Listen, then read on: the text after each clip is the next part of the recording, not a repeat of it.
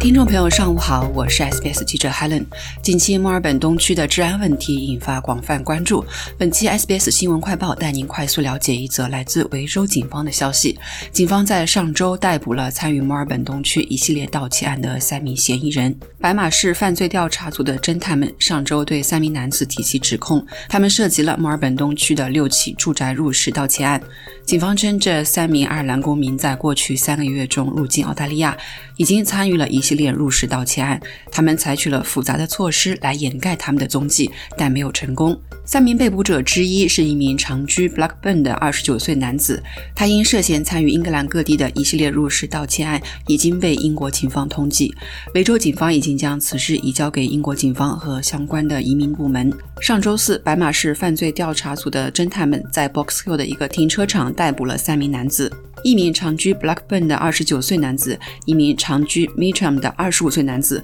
和一名没有固定住址的二十六岁男子，均被控严重入室盗窃、六项入室盗窃罪、盗窃罪、处理赃物和处理涉嫌犯罪所得等。在无人申请保释后，这三名男子将于七月三日被还押至 Rainwood 地方法院出庭。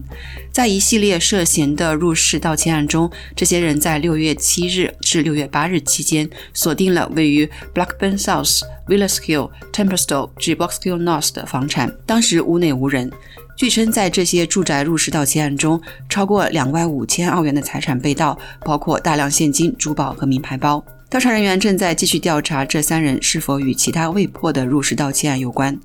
白马市犯罪调查组的高级警官 Brad March 表示：“你的家应该是你的避难所。维州警方不会容忍任何人试图进入别人的家，拿走不属于他们的东西。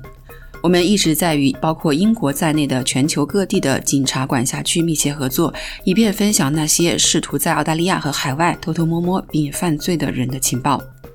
维州警方呼吁任何知情者，请与灭罪热线联系，电话为一八零零三三三零零零，或在线提交受到保密的犯罪报告。网址为三 w 点 crimestoppersvic 点 com 点 au。好了，感谢收听本期的 SBS 新闻快报，在任何播客平台搜索 SBS 普通话，点击订阅，开启消息提醒，即可了解澳洲国内外新闻及社区信息。